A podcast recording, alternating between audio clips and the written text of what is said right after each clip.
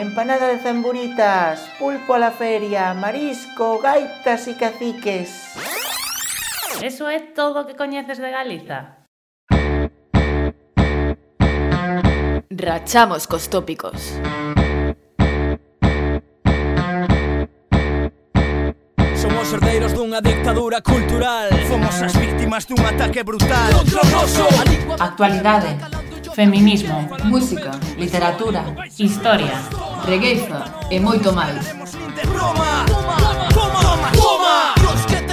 Benvidas a Ireki Gaiola, o espazo galego de Bilbo Iría e Racía. Rianjo, Sanjenjo, Vivero, La Guardia, Órdenes, Buen Muerto, Puerto Sin, Puerto Son, Dime cantos son, son, un, dos, tres, cuatro, cinco, seiscientos anos de represión.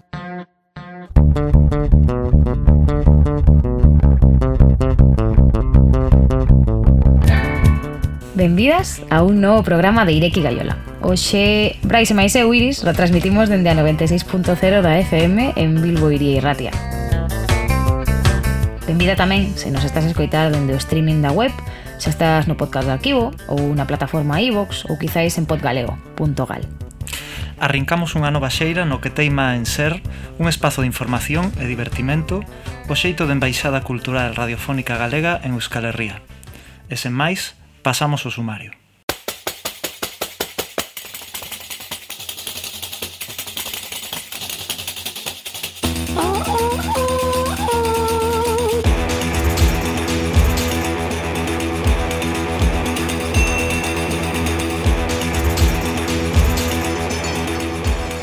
O programa de hoxe trae conversas sobre a lingua galega, sobre o arte da fotografía nunha data tan importante como a que foi onte, o Día das Letras Galegas. Entón, imos falar con Carlos Cañón, para comezar, que é un mestre eh, e activista da normalización da nosa lingua, co cual tamén repasaremos a luta do povo galego por conservar a súa lingua e poder vivir en galego. A seguir, estaremos en contacto con Ariadna Silva, fotógrafa galega que conversará con nós sobre a súa obra e o estado da arte fotográfica na Galiza. xa para finalizar, coñeceremos a Asociación A Lingua, unha entidade a través da que 18 concellos galegos unen forzas para fomentar o uso da lingua galega. E sen máis, comezamos ouvindo Vamos enchernos e vamos falar de cousas da banda Grande Amore. Se deben vidas, pois, a un novo programa de Ireki Gallola.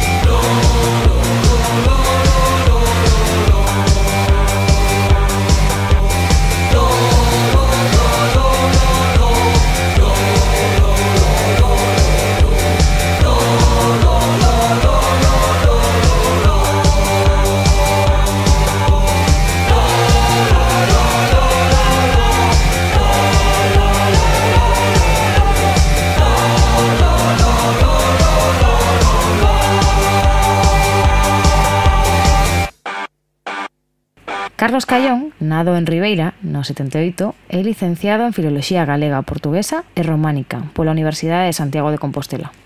Doutorouse na Universidade da Coruña e na actualidade é profesor de Xeografía e Historia no Instituto Español Giner de los Ríos en Lisboa. É autor de varios traballos centrados na sociolingüística e nos estudos literarios, publicados en diferentes congresos e revistas especializadas nestas materias. A partir de 1995 ocupou diversas responsabilidades na Mesa pola Normalización Lingüística, organización que presidiu desde 2002. Tamén é presidente do Padroado da Fundación Vía Galego, desde a súa constitución no 2006. Foi tamén promotor e portavoz nacional da plataforma Queremos Galego e presidente do Comité de Estado da Xencia Europea de Linguas Minoradas. Ademais de varios estudos históricos e literarios, publicou o manual como falar e escribir en galego con corrección e fluidez, e diferentes achegas sociolingüísticas como galego calantes e galegolofalantes, como defender defender esos teus dereitos lingüísticos e amigos e sodomitas a configuración da homosexualidade na Idade Media. O seu último traballo como poeta é A abertura da boca, no ano 2021. Por esta obra recibiu, entre outros, o premio de ensaio Vicente Risco e o Careón da Trayectoria Literaria. Benvido, ongi etorria ireki gaiola, Carlos. Hola, moitas grazas. Bueno, Carlos, eh, estamos na semana das, das, das letras galegas eh, queremos falar un pouco da túa traxectoria. Estamos lendo nas túas redes que estás a piques de, de sacar un novo traballo sobre sociolingüismo co título O libro negro da lingua galega. Dada... Sí, eh, eh. dada a situación eh, a semana na que estamos, eh, a túa valoración da situación da lingua galega é tan negra? É preocupante, é preocupante. E ademais, eh, gosto de que me preguntes por, por este libro, non só porque vai a sair xa dentro dunha tres semaniñas, se estou contando aí os días.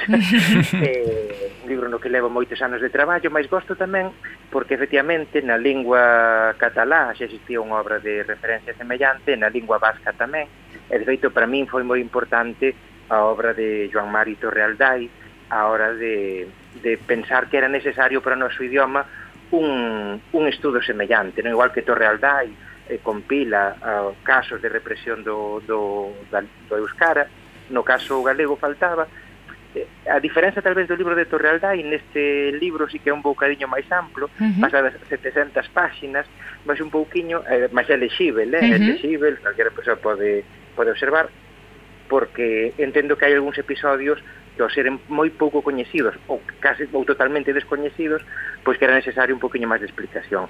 E sobre todo este libro pois é para explicar efectivamente por que chegamos a esta situación tan preocupante na cal un elemento fundamental para a existencia da nación galega está en perigo. Uh -huh.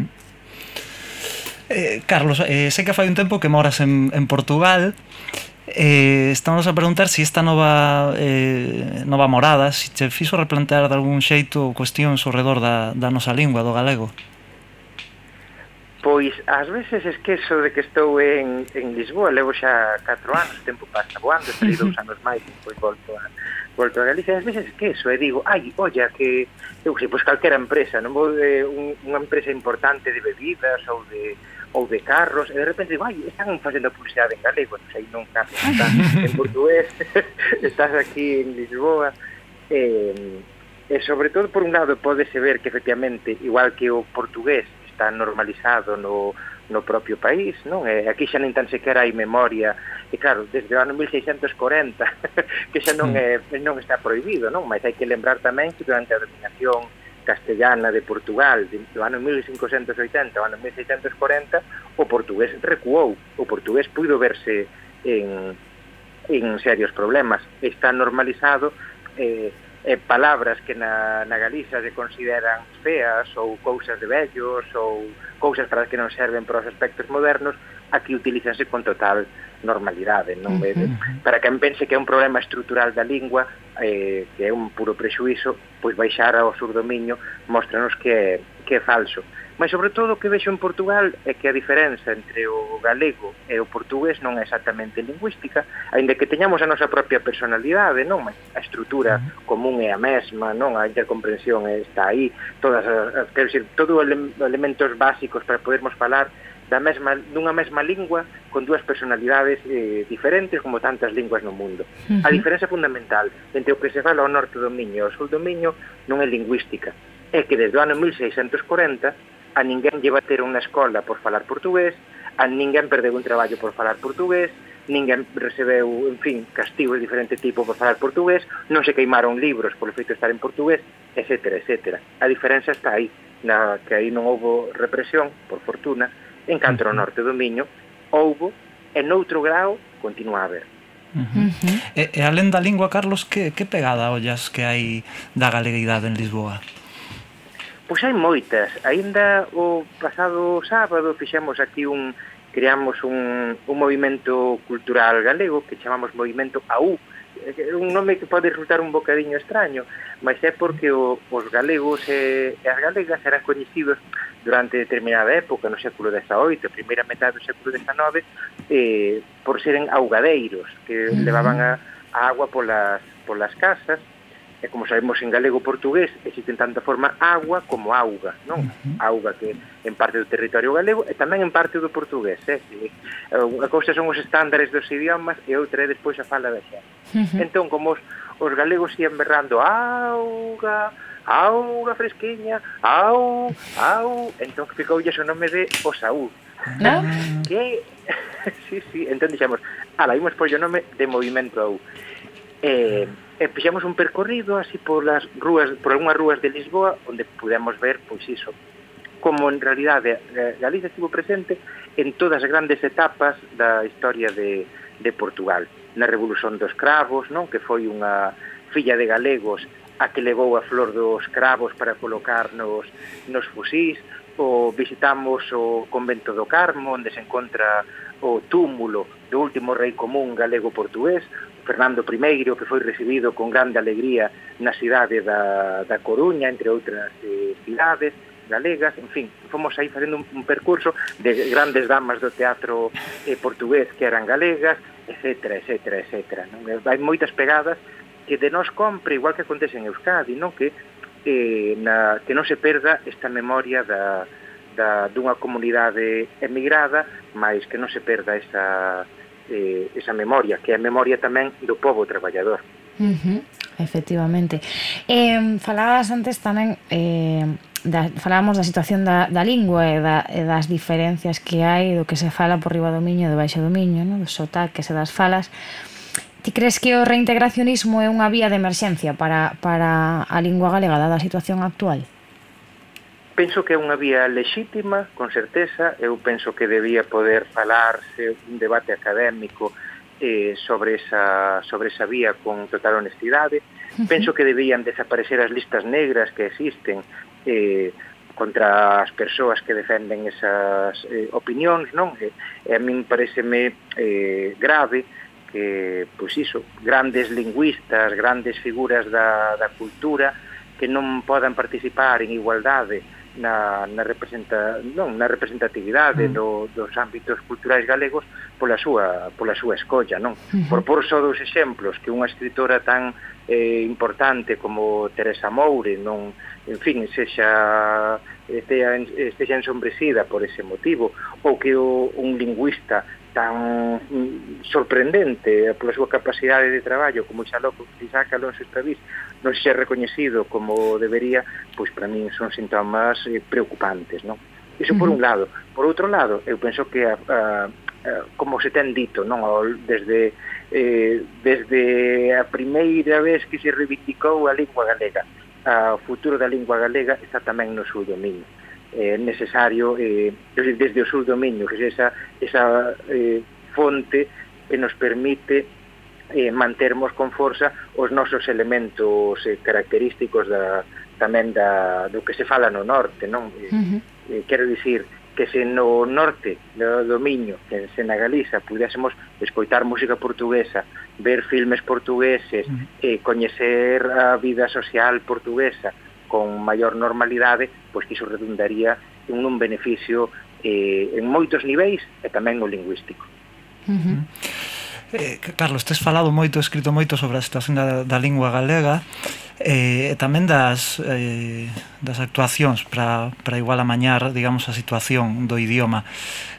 Cales eh, serían, o teu entender, as... Eh, eh, as propostas máis eh, que poden ser máis ventaxosas para, para o galego nistes, niste momento?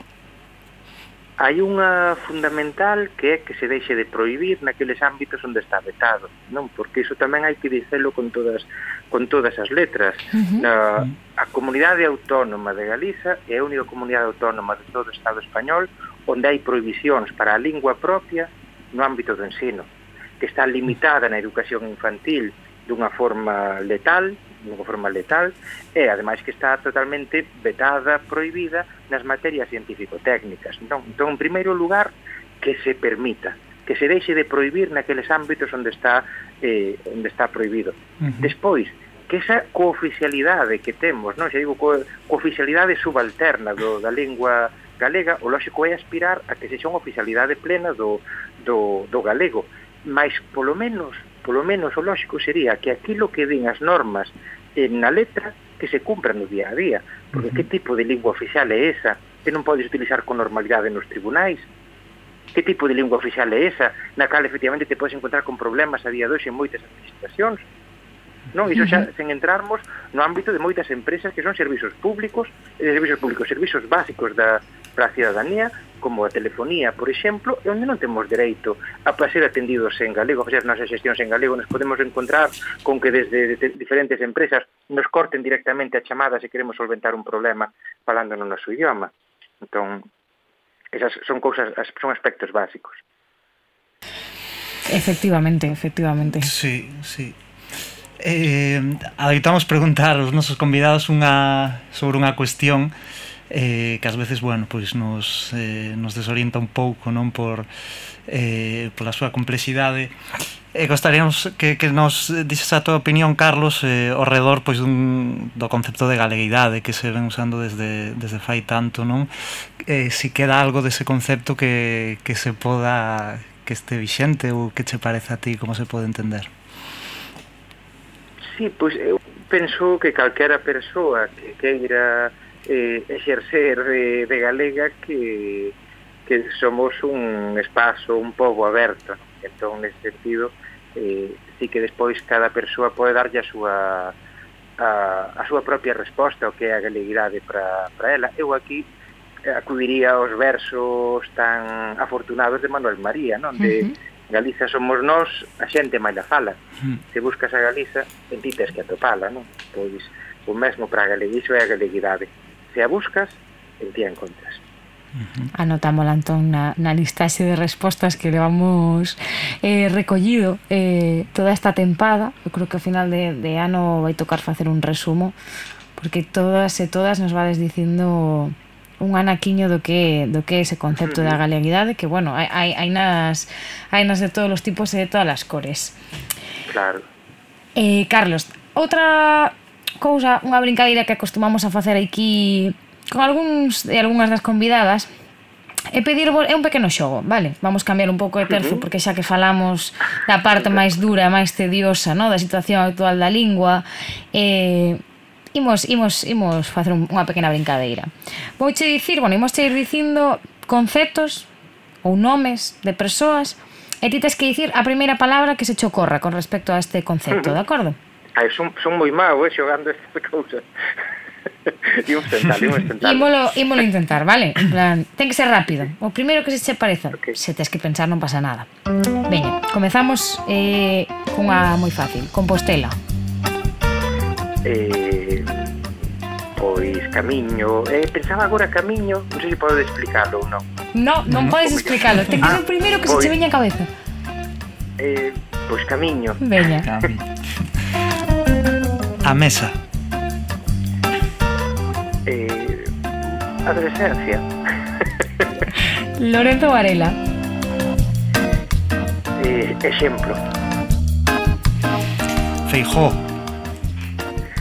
eh, descastado. Ribeira.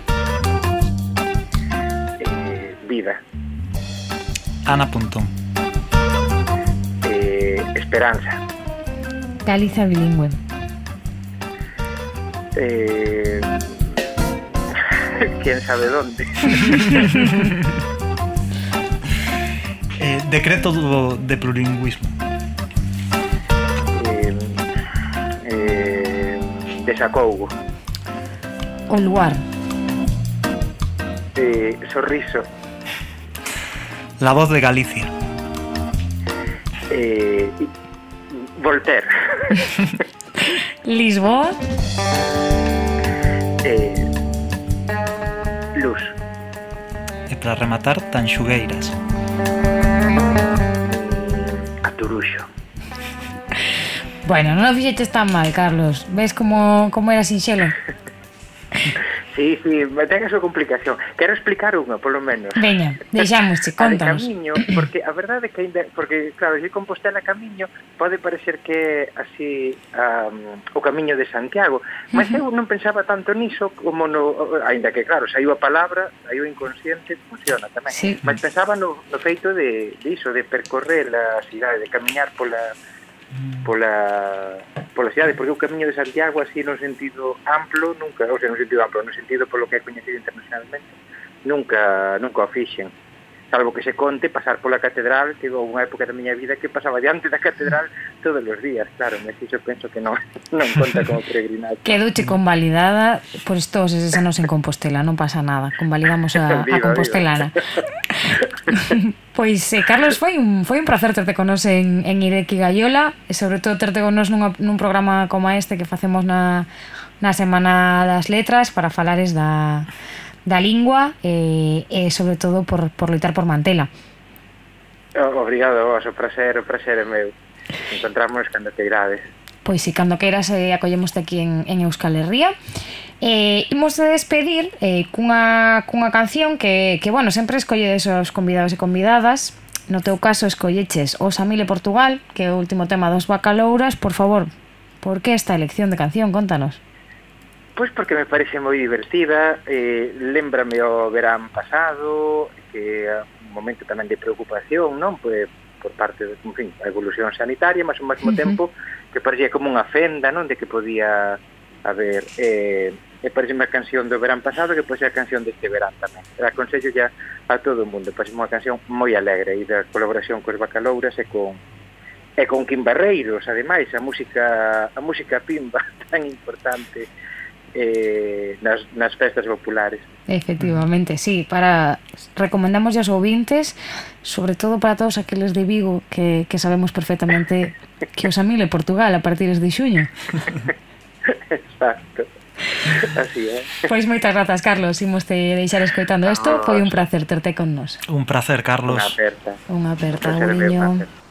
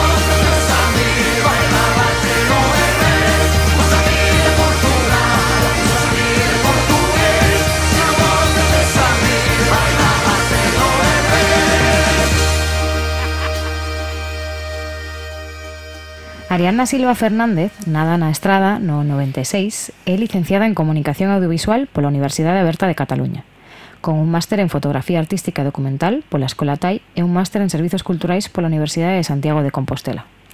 O seu traballo persoal deriva entre a fotografía e o documental, Actualmente desenvolve proxectos persoais ao longo, a longo prazo dentro do documental contemporáneo de autor, centrándose na paisaxe galega e na autobiografía, como eixo central da súa narrativa fotográfica e audiovisual.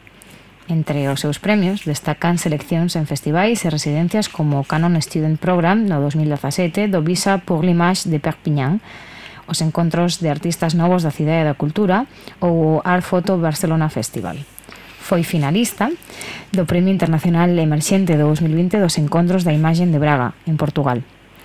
A súa intención é construir unha mirada sobre a paisaxe natural baixo a premisa do tránsito, o cambio e a dúbida coa intención de xerar discursos críticos e reflexivos. Ongue Torri, benvido a Ireki Gallola, Adriazna. Hola, boa tarde. Moi, moi boa tarde. Ariadna, contanos un pouco de ti, como soupeches que te querías dedicar a fotografía?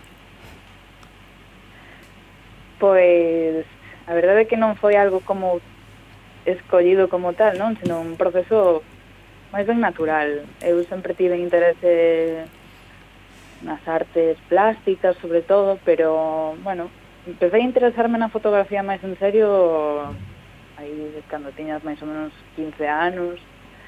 Eh, E, bueno, sempre comecei dunha forma así moi intuitiva, autodidacta, uh -huh. e, e despois foi cando cando puiden estudar o bacharelato de artes que decidín xa pois dedicarme a algo que tivese relación co coas artes visuais, coa imaxe visual, non? Entón, pois, bueno, decidín estudar, xa, ir de cara eh, a profesionalización eh, como fotógrafa, uh -huh. bueno, estudando primeiro comunicación, foi un camiño un pouco atropelado nese sentido, pero pero ao final fume pois eh, eh, digamos eh, direccionándome eh, ata estudar o máster de foto en, en Madrid, ¿no? que foi xa como unha combinación de toda esa búsqueda e agora pois xa xa pois eh, intentando manter eh, os traballos, non? E, eh, e seguir esta tamén combinando non só a fotografía, senón agora estou estudando tamén xestión cultural, eh, tamén fago traballos audiovisuais, e bueno. Uh -huh. Pero bueno, todo ten relación non co, coas artes visuais. Sí, a complexidade do mundo audiovisual, non? Que non se pode ser únicamente unha, unha cousa. Sí, efectivamente. En, en 2018 publicas o teu primeiro fotolibro Fillos do Vento Unha historia persoal sobre a rapa das bestas de Sabucedo E no 19 editas Historias Mínimas Un fanzine de historias íntimas Que nos poderías un pouco dicir sobre estas dúas obras? Pois a ver, Fillos do Vento Si, como ti dixeches, non? Un fotolibro sobre a rapa das bestas de Sabucedo É un, un traballo que fixen máis ou menos durante tres anos aproximadamente, bueno, tres anos contando, digamos, a celebración de Rapa un, unha vez ao ano, non? Un fin de semana. Eh, e, bueno, a miña intención con este traballo foi sobre todo eh, afastarme dos relatos máis convencionais que se poden observar alrededor da Rapa das Bestas, non? Porque, entendendo que a Rapa das Bestas é un... Eh, é unha celebración moi mediática que está cuberta por eh, por moitísimos xornalistas de, de todo o mundo. Uh -huh. Eh, en este sentido tamén foi un reto, ¿no? de a ver como conto eu algo diferente sobre sobre isto, que ao final é un, unha festa que se celebra no meu concello, eh, digamos que, claro, de ter toda de, toda a vida estando próxima a esta, a esta festa, pero ao mesmo tempo tamén era un reto de darlle unha volta. Entón, pois, decidín eh, facer un, un traballo documental, non? que ao mesmo tempo foi o meu primeiro traballo un proxecto fotográfico como tal, de, de construir un relato, e, e leválo a un plano totalmente persoal. Entón, é moi sensorial e incluso eh, decidí en certo momento ata evitar eh, facer fotos aos cabalos, pero o sea, sí que hai cabalos, poden ser cabalos, pero, pero bueno, intentando escapar do explícito eh, entón pois máis eh, buscando a, a suxestión eh, eh, xogando pois tamén coa poética da imaxe. E bueno, ese libro está editado por pola, por Banco Editorial, que era unha editorial da Coruña, agora xa non está extinta, uh -huh. pero foi unha publicación de, de 50 copias artesanais, eh, E, bueno, o característico desta, deste fotolibro que ten... Eh, eh, ten unha paisaxe sonora por un lado, non? De con sons que gravamos que durante durante a rapa e ao mesmo tempo pois tamén eh, a idea de escoitar esa paisaxe sonora mentras están vendo as fotografías para ter eh, pois bueno, unha bueno, que parece que estás que estás aí mentras ves o libro. E, e ao mesmo tempo tamén está ten o lombo do libro que ten eh, un, un mechón de, de crinas de, do, dos cabalos do Chamucedo. Uh -huh. Ao principio eh, a idea era coselo cos, eh, coas crinas, pero foi, o sea, foi imposible. Entón, pois, bueno, eh, os editores decidiron facelo así. Bueno, podese ver na miña web para que non queira visitar, tamén hai un vídeo. Uh -huh. eh, e bueno, foi eso, unha edición moi moi cortiña, tamén polas súas características, a dificultade técnica de facer o libro mm, tal e como tiñamos pensado. E nada, esgotouse enseguida e, e foi pois eso, a miña primeira experiencia nun proxecto fotográfico eh, e tamén editorial. E despois o, o outro fotolibro que facías mención, Historias mínimas. Bueno, máis que un fotolibro, un fanzine, porque é unha publicación autoeditada, de 50 copias tamén. Eh, nada, non é un, eu non diría que é un proxecto, senón máis ben son fotos que fun facendo eh, do cotiá, no? eh, co móvil principalmente. Eh, bueno, detectei que había certas conexións entre as fotografías. Entón, pois, foi tamén un exercicio de edición e de disfrute, non? Por eso se chama historias mínimas. Non hai, digamos, algo que as conecte como eh, o traballo da Rafa, non? Senón, pois, bueno, pequenas pequenas historias que se poden relacionar, non? E, e bueno, fixen eso, un libriño moi, moi pequeniño, eh, en branco e negro, artesanal tamén, ese, nese caso fixen eu todo. Uh -huh. E bueno, e ata aí. Uh -huh.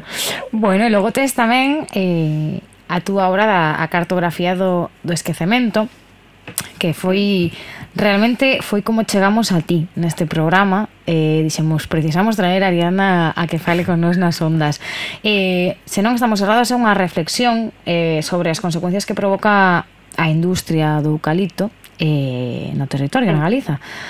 Sí, contanos un pouco como, como nace a idea de, de, de falar a nivel visual eh, sobre, sobre este tema e eh, eh, como foi un pouco o proceso de elaboración.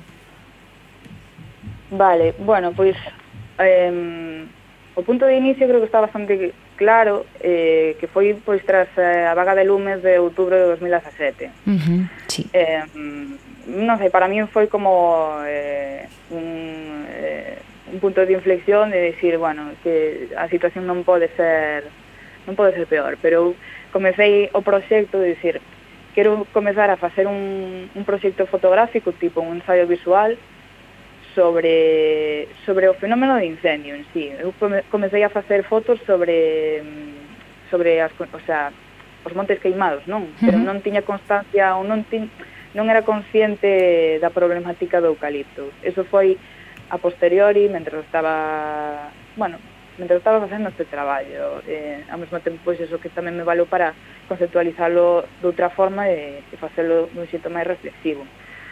Entón, pois, bueno, eh, foi un proceso bastante mm, arduo nese sentido, porque hubo un momento no que estaba como moi colapsada de toda a información científica que tamén estaba buscando, non? Eh, de por que o eucalipto é pernicioso, bueno, eh, que provoca no territorio, entón, eh, bueno, eh, cheguei un momento que decidín pois leválo a un plano máis máis persoal e facelo pois dunha forma parecida ao que fixen co anterior de Fillo do Vento, de uh -huh. suxerirme, de abrir máis preguntas e non tantas respostas. E, e bueno, eh, a verdade é que o proxecto segue aberto porque non... Eu penso que no meu caso considero que están pechados cando fago o fotolibro. Bueno, o fotolibro farase, non sei, eh, próximamente. Non podo dicir unha data exacta, pero farase próximamente. E, eh, e bueno, eso que foi un proceso longo, e as fotos principalmente fixenas nos meses posteriores a, a esa vaga de lumes, en algunhas zonas de, da provincia de Pontevedra. Eu nese momento estaba vivindo en Madrid, entón tiña que uh -huh. ir e vir cada dos por tres para facer as fotos. E, e bueno, eh, cheguei a relacionalo tamén coa miña propia biografía ou historia familiar, non? Dado que o meu avó materno tivo unha implicación coa industria madereira hai unhas décadas uh -huh. e bueno, parecíame pertinente tamén facer algunha alusión e, e, e por iso incluo retratos, eh, que son retratos da miña familia. Bueno, a, a reflexión deste proxecto é mm, pois eso, pensar en como a perda do patrimonio natural, non? Entendido como unha ardanza de, xeneracional, como pode ser pois o bosque atlántico, que tamén ten unha simboloxía asociada. Uh -huh como, se, como a introducción do eucalipto e toda a industria, toda esta parte máis relacionada coa privatización do medio natural eh, tamén implica unha pérdida de, de memoria e de, e de identidade. Pois, máis ou menos é iso. Sí, non está, non, non está mal como reflexión realmente.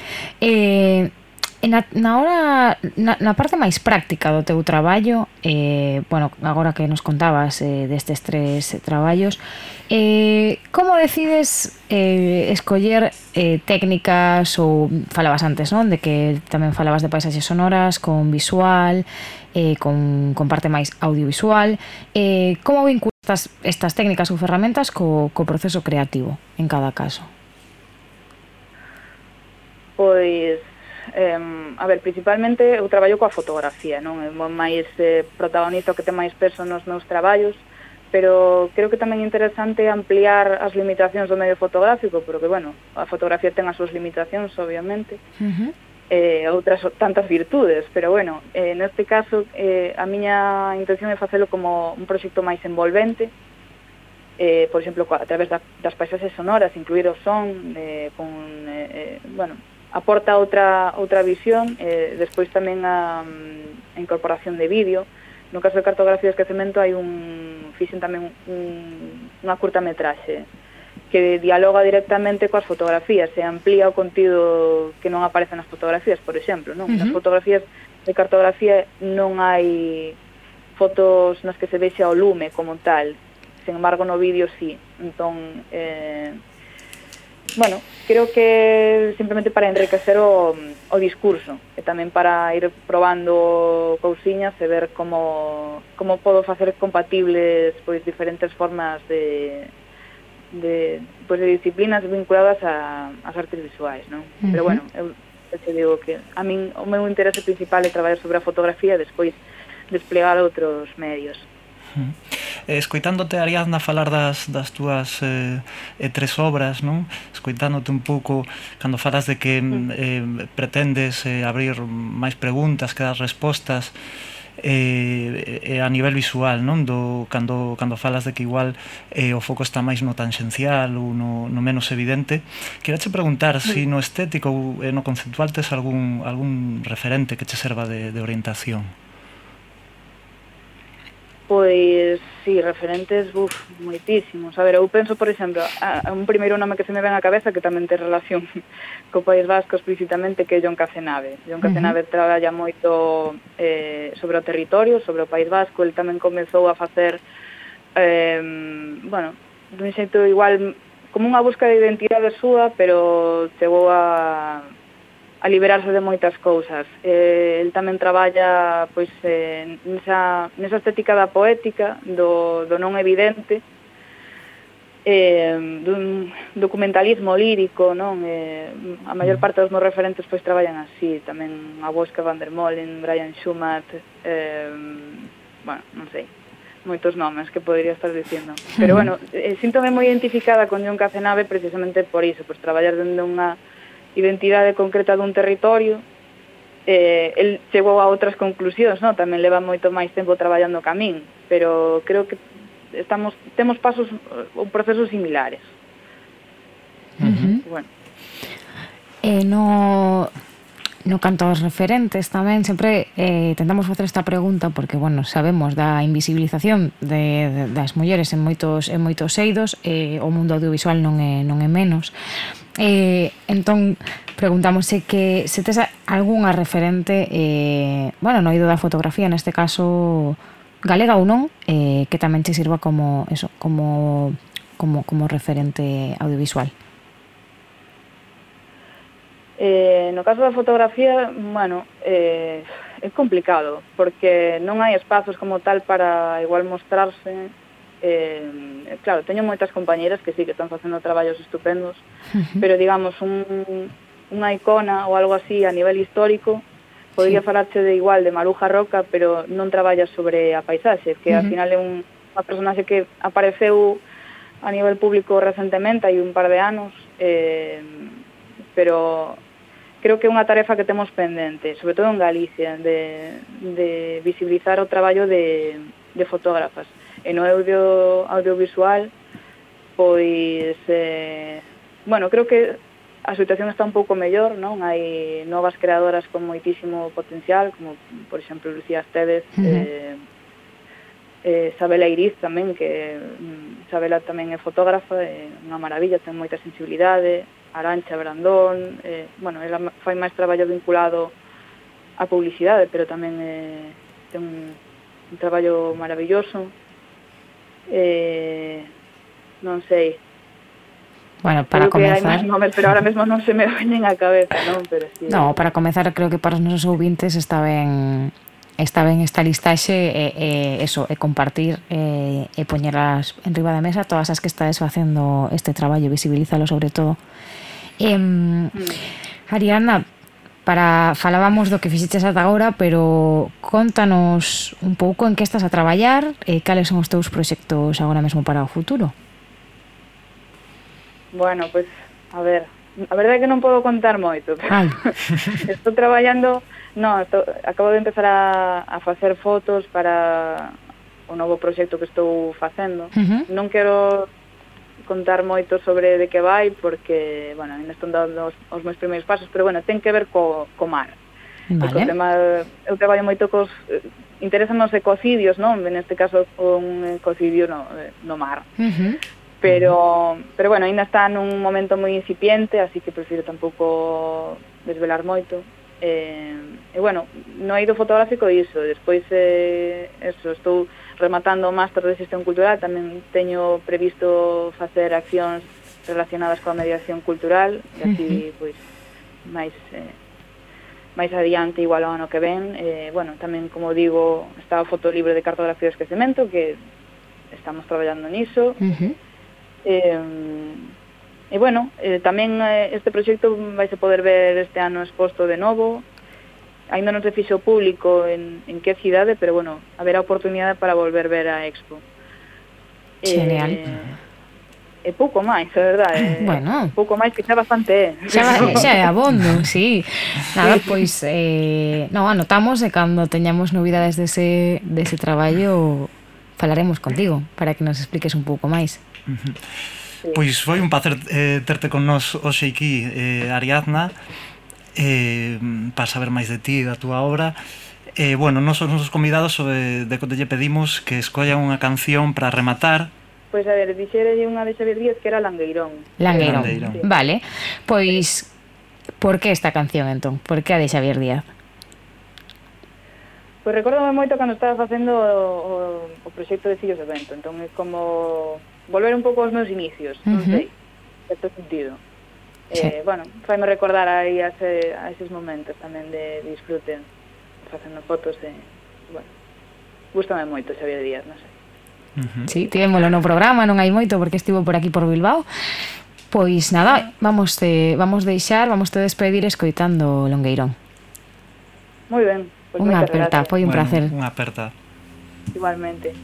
A fonte boa por auga, o muiño por moere, A túa casa por verte E nunca te podo ver.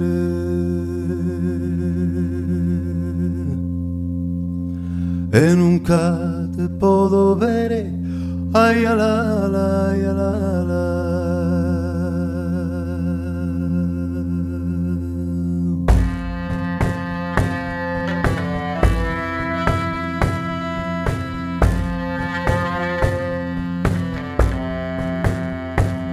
Cando paso a túa porta Na ventana non estás Vou acortando o meu paso Por ver si te asomarás.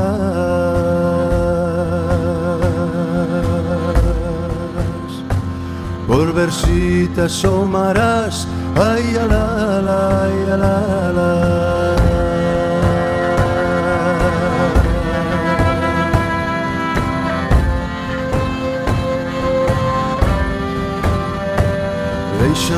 sentir que teño presa. Vou coa auga de regar Eche maña un día santo. Falaremos de vagare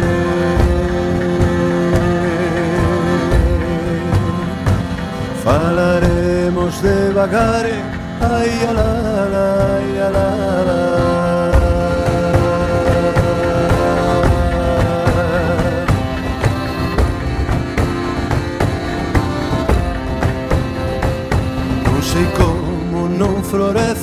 As pedras da túa calle Correar de que na rega Cobarrer de que nas barre.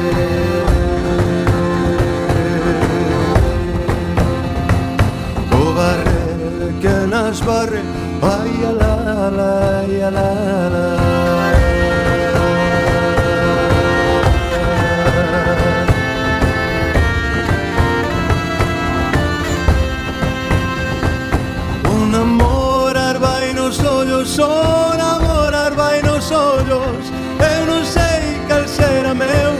Será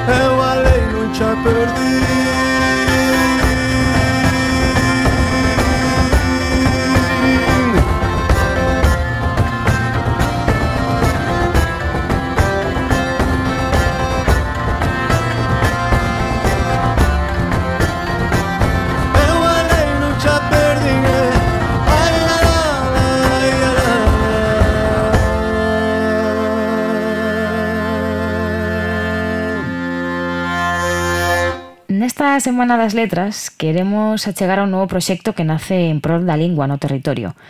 A Lingua é unha asociación de entidades locais pola lingua galega que naceu co obxectivo de desenvolver proxectos conxuntos no ámbito da normalización do idioma.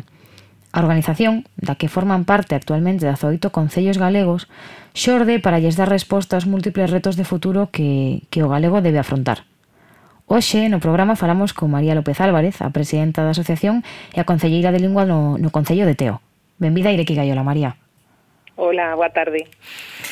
Eh, contanos, María, como xorde a idea de crear a Lingua? Bueno, pois a verdade é que a Lingua é unha asociación que ven a dar de alguma forma cobertura a unha serie de accións que xa se estaban levando a cabo por parte dos concellos, porque é certo que a, a organización administrativa no a veces é un pouco absurda no sentido de que te obliga a, a fomentar programas que en realidad deberían ter unha entidade superior. Quizás si, eh, si pues non sei, consideramos que, que o goberno da Xunta pues, o mellor non está facendo, uh -huh. eh, ou que poderíamos nós como administracións locais aunar eh, para, para facer eh, programas conxuntos, perdón, pois entón aí é onde xorde un pouco a, a Organización da Lingua, que é unha asociación pois que, como vos digo, está constituída con, por 18 concellos, pero que pretende medrar o gallá toda Galiza. Uh -huh. eh, como valorades o sea, que, que, que haxa necesidade de crear esta asociación é tamén sintomático, non? Pero como valorades dende a asociación o estado de saúde da lingua galega no territorio actualmente? A ver, eh, o, o nacemento da lingua ten moito que ver coa organización dos concellos, pero tamén, perdón que teño tos, pero tamén coa, digamos, co, co vou facer dos, dos técnicos en este caso de lingua, ¿no? porque, bueno, é verdade que é unha proposta conxunta, tanto uh -huh. política como por parte da, da técnica. Eh, e, e ven a, a caso pois porque a situación da lingua eh, non somos alleos á, á realidade, non? E é que o, o galego perde eh, galegofalante, sobre todo parece que entre a entre a mocidade e entre a infancia, que é algo tremendamente grave, eh, parece que uh -huh. está prácticamente excluído do, dos centros de ensino, algo que eu coñezo moi ben porque tamén son docente de profesión uh -huh. e, e que, bueno, que parece algo como normal que unha crianza entre en, en tres anos, por decirlo así, eh, falando galego, pero que cando chegue a cuarto de primaria xa homoxenizou con, pois, o mellor co castelán, algo está pasando aí. Eh, nós, dende a lingua ou dende as administracións locais, neste caso, non podemos res, dar resposta a todo, pero sí que podemos, eh, con creatividade e, sobre todo, con moita sinerxia, tratar de tratar de aportar, pois, bueno, eh, como che digo, pues eh, esta, este sentir ou este vivir que nos temos eh, en galego, uh -huh. pues para, para co resto da sociedade. Uh -huh. Cales son logo os, os eixos de traballo da asociación en, pron, en, en prol da normalización lingüística? Nos temos varios programas, digamos, que, que, que levamos a cabo. A mí personalmente, como máis me gusta e, e además na miña práctica política creo que máis éxito ten, é o programa de apego, uh -huh. que, que pretende de alguna forma pois dar como, como un acubillo a todas estas familias que, que como a min, pois, por exemplo, decides eh, pasar o galego cando, bueno, porque ao final sempre te vas como liando, no? E dis, va, eh, cando acabe a carreira, cando aprobes hmm.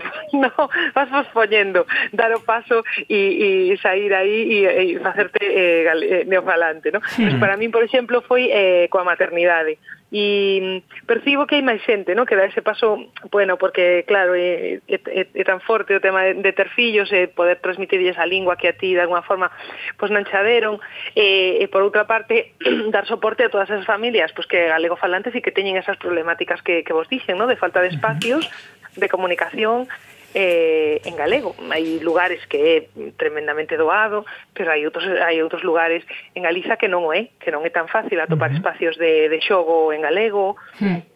E entón, pois, pois este, este programa, o programa de apego, trata de, de normalizar, pois, de cancións de verse, pois, actividades, calquera tipo de, de lecer e de tempo libre que tío poidas facer na tua lingua, non? É uh -huh. un pouco ese o sentir.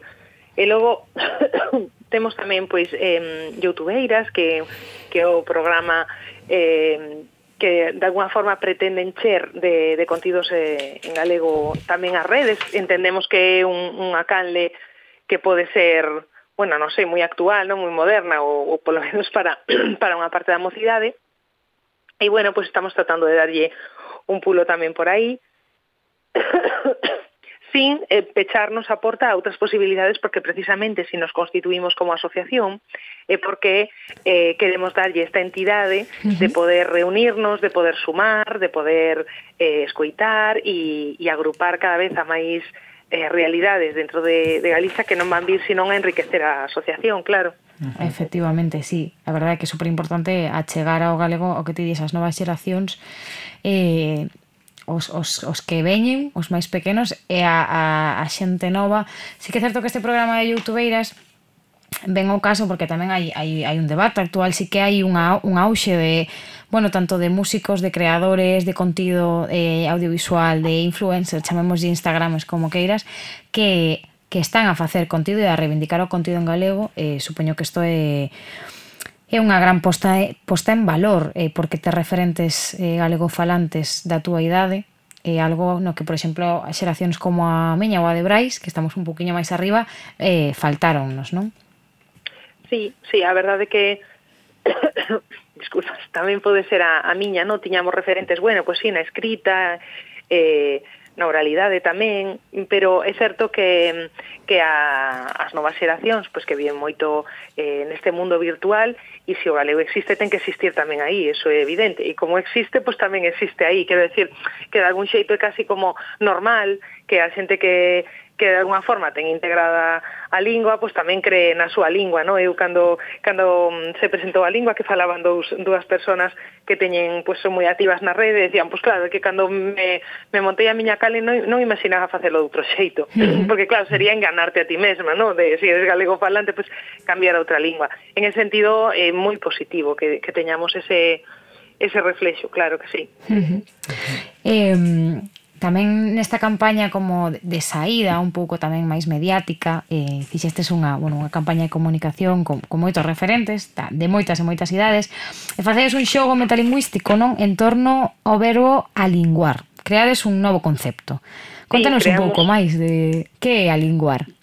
Bueno, alinguar é traer eh, a linguar, además que me parece como muy gráfico, ¿no? Porque casi me imagino ahí, eh, no sé, lambendo prato aí despois de comer. Pero a linguar é un pouco eso, é traer para o galego termos, eh, conceptos que quizás se nos foron ou que nos, que nos introduciron eh, pues como que palabras que usamos eh, no habitual como pues o mellor dende o castelán, mesmo desde o inglés tamén, por unha parte sería a lingua, recuperar ¿no? esa, eh, para, para a nosa lingua e logo traer para nós todo, pois pues esta esta cousa que te estou dicindo, ¿no?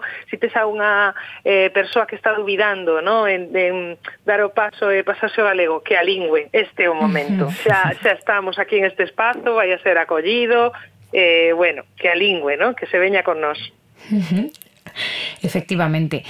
Eh, falabas antes, eh, María, de bueno do, do, dos procesos que, que sufre eh, eh que está a vivir a nosa, a nosa lingua actualmente, que evidentemente en que non nos guste eh, o galego perde falantes, non? Eh, que pode aportar, como se pode artellar eh, ante esta necesidade de recuperar falantes, como se pode artellar, artellar esta recuperación eh, dende a administración local e pública? Que, que, que pode facer dende aí a lingua? Con, con recursos, con... Contanos un pouco. Bueno, o, o reto é xigante. Eh, en canto á administración local, bueno, considero que, que hai moito traballo que facer, moitas campañas, sobre todo, moita, moita valoración. No? Digo a nivel persoal, a veces eh, nos contratamos moitos servizos, pero e cuidamos moito, pois por exemplo, eh, algo que está moi ben, eh, non estou criticando, mm, por exemplo, mm, na, no meu caso persoal que levo a Consellería, Consellería de Igualdade, discúlpame, uh -huh. pois sí que valoro moito mm, que por favor, que coiden eh, bueno, pois eh, que que haxa pois igualdade de sexos, non sei, na participación e sin embargo, uh -huh. pois a maior non te preocupas tanto de coidar temas de lingua. Este, este tema é moi importante. De alguma forma temos asumido no que isto non é prioritario. Como prioritario, uh -huh. ¿no? Que o prioritario é a actividade, o, o contido da actividade e, bueno, pois pues isto temos que integralo porque ao final en ese, sobre todo nas actividades cos máis cativos, porque non en competencias de educación, pois pues, tampouco temos eh, competencias delegadas á administración local, uh -huh. pero este tema é moi importante. E logo coidar toda, pois eh, todo o que ten que ver coa toponimia, cos saberes tradicionais, con as persoas que neste caso, por exemplo, no Concello de Vigo, que é un concello tremendamente rural, eh, todos os seus saberes, xa non é o saber en sí, xa non é como cortan unha árbore ou plantan disculpa, determinada cousa, uh -huh. e que cando eles fan eso, están explicando dun xeito que xorden aí unha serie de palabras que de alguna forma son moi valiosas para a nosa toponimia ou microtoponimia e para a nosa, bueno, claro, para a nosa eh, riqueza oral, ¿no? eh, moi moi local, eh, pero claro, local aplicada a cada a cada parte de Galiza, pues imagínate, aí onde está digamos toda toda esa ese potencial. Efectivamente. Si te estás nos falando María dos proxectos que xa tedes en marcha, Eh, pero para o futuro próximo, Alvijas, algún, algún que nos poidas eh, igual avanzar ou, ou que nos podas falar? Pois a verdade é que agora o que temos como máis en marcha é consolidar a, a lingua e a nos gustaría nos poder contar perdón, a, o primeiro que vamos a facer é unha campaña para poder sumar a máis entidades locais, porque sí que entendemos que a lingua é forte cando pode aunar e pode ser un reflexo eh, moi diverso no? e, de, e de moitas circunstancias distintas dentro do país e entón eh, digamos que esta primeira parte da asociación vai se centrar en eso. Uh -huh. Pois, pois María, agardamos saber como, como avanzan estes proxectos e, e que sigan tendo moito, moito éxito dos que, dos que nos contabas, de apego, youtubeiras e, e todo o vosso traballo. E agradecemosche moitísimo eh, que hoxe aquí con nós en, en Ireki Gaiola para os ouvintes de Euskal Herria eh, bueno, de Euskal Herria e todos os que nos poidan escoitar no podcast para saber que, que hai xente que, que segue a loitar eh, na defensa na defensa do idioma Claro, bueno, pues nada, obrigadísima, moitas grazas por, por contar comigo. Eh, bueno, calquera calquera cousa que nos puideramos exportar eh, do vosso bon facer con respecto á lingua, pois pues tamén estaremos atentas. pois pues aquí, nós somos menos embaixadores, polo menos de para esquecer o galego, eh, para mola na diáspora. eh, pois pues nada, María, imos te, imos te despedir escoitando eh, un último último tema que acaban de sacar o grupo de moda, que son as tanxugueiras, tamén grandes referentes de, de espallero galego polo mundo, que tamén é un canto á diversidade, eh, e chamase Pano Corado. Genial, moi boa elección. pois unha aperta, María, moitas grazas. Grazas, grazas María. Aburiño. Abur. Abur. Teño chumba non ucha, pano de todas las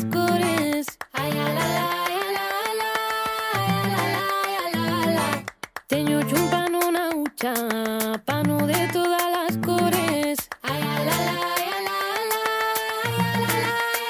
la, te quiero, te quiero, prenda mía. Te quiero, te quiero, prenda mía. Te quiero, alma mía. Teño un pano na ucha, pano de todas las cores. Aqueles que o queren negro, no se merecen amores. Aqueles que o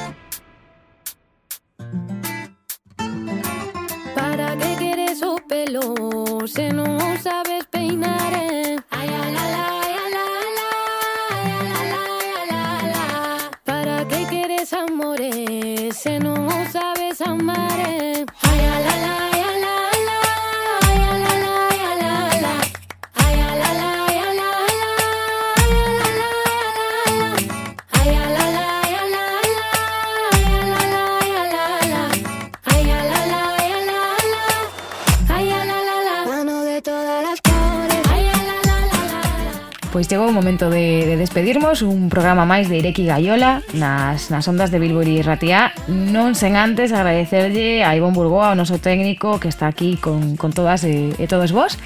E nada, despedímonos deste programa da Semana das Letras que teñades un feliz día das letras galegas. Foi pois un placer partillar con vos esta viaxe polo magma radiofónico que xunta os nosos dous povos nun arrolar de verbas estreladas. Voltamos en dúas semanas e aquí, en Ireki Gaiola. Aburiño, unha aperta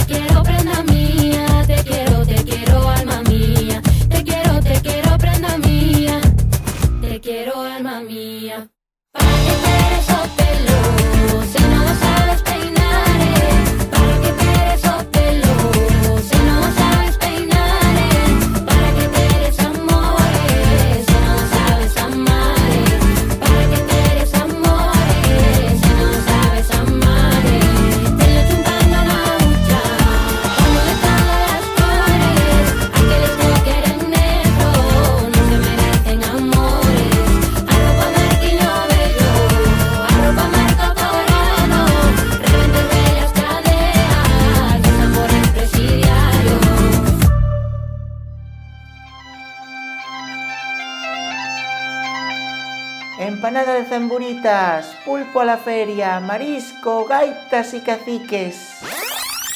Eso é todo o que coñeces de Galiza? Rachamos cos tópicos. Somos herdeiros dunha dictadura cultural Fomos as víctimas dun ataque brutal Contra o noso Actualidade Feminismo, música, literatura, historia, regueifa e moito máis. Benvidas a Ireki Gaiola, o espazo galego de Bilbo Iría e Racía. Rianjo, Sanjenjo, Vivero, La Guardia, Órdenes, Buen Muerto, Puerto Sin, Puerto Son, Dime cantos son, son, un, dos, tres, cuatro, cinco, seiscientos anos de represión.